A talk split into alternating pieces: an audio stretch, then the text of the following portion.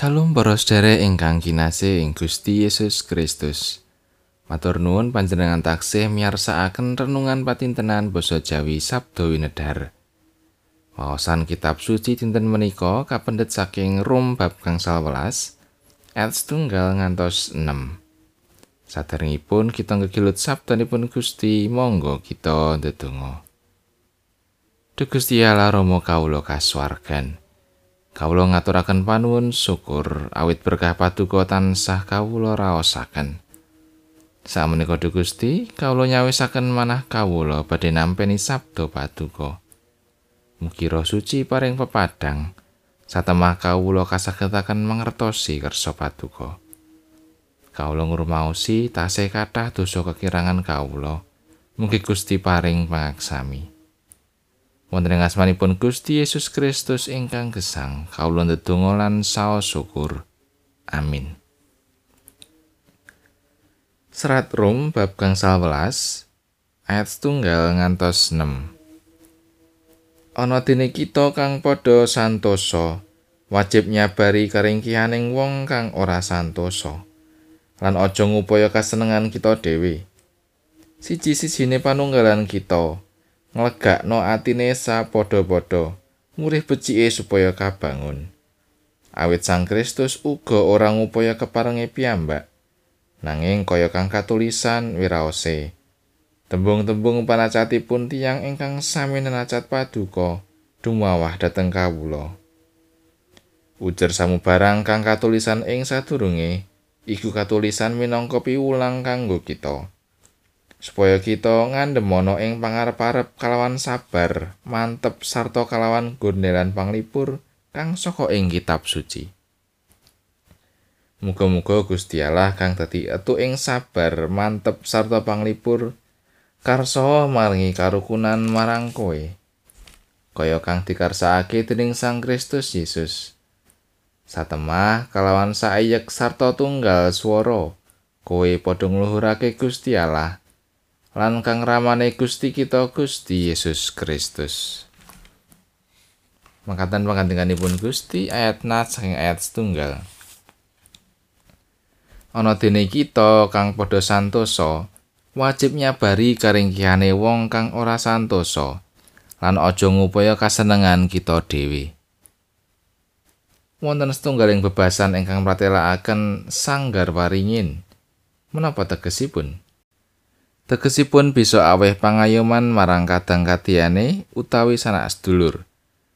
Tembung sanesipun bebasan menika nggambaraken setunggaling tiyang ingkang saged ngayomi paring kegiatan. Satemah tiyang ingkang caket kalian tiyang menika badhe kasantosaaken.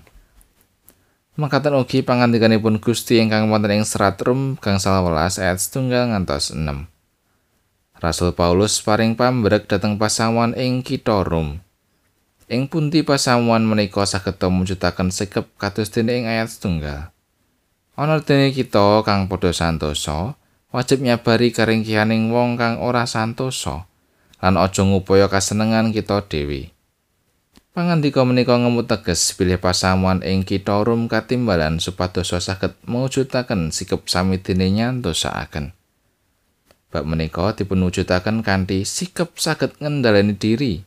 Utawi mboten namung buru kasenenganipun piyambak. Paring semangat sami dene gatosaken kaontranipun sesami. Sikap nggatosaken kaontranipun sesami kados dene paring panglipur dhateng tiyang ingkang nandang dukita. Paring kegiatan dhateng tiyang ingkang lokro. Kenging menapa? Pasamuan ing rum katimbalan supados saged mujudaken sikap sami dene nyantosaken. Wangsulanipun wonten ing ayat kalih B lan sekawan B. Inggih menika supados sami nampeni pangajeng-ajeng satemah gesangipun sansaya dipun bangun ing Sang Kristus. Kanthi nggatosaken pangandenganipun Gusti menika, kita minangka pandherekipun Gusti ugi sami kaemotaken. Supados kita inggih sami saged mujudaken sikap sami dene nyantosaken. Sumangga sami nggadahi sikap ngendhaleni diri ingkang dipunwujudaken kanthi tumindak boten buru kasenengan kita piyambak. Ananging saged nggetosaken kawontenan karingkihanipun liyan. satemah pangajeng-ajeng lan semangat ing gesang tansah tuwuh so ngrembaka ing gesang kita sedaya amin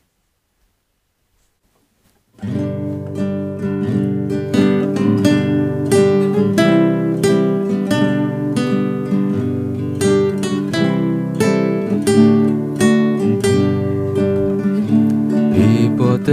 nyombingaken yen ing sajagat rata katilan tenagungken. Pinapar aneng donya srana sekatresnan tulus Rasa kata tos virtus Sagung tumita rinimat Rinoban ing sirahmat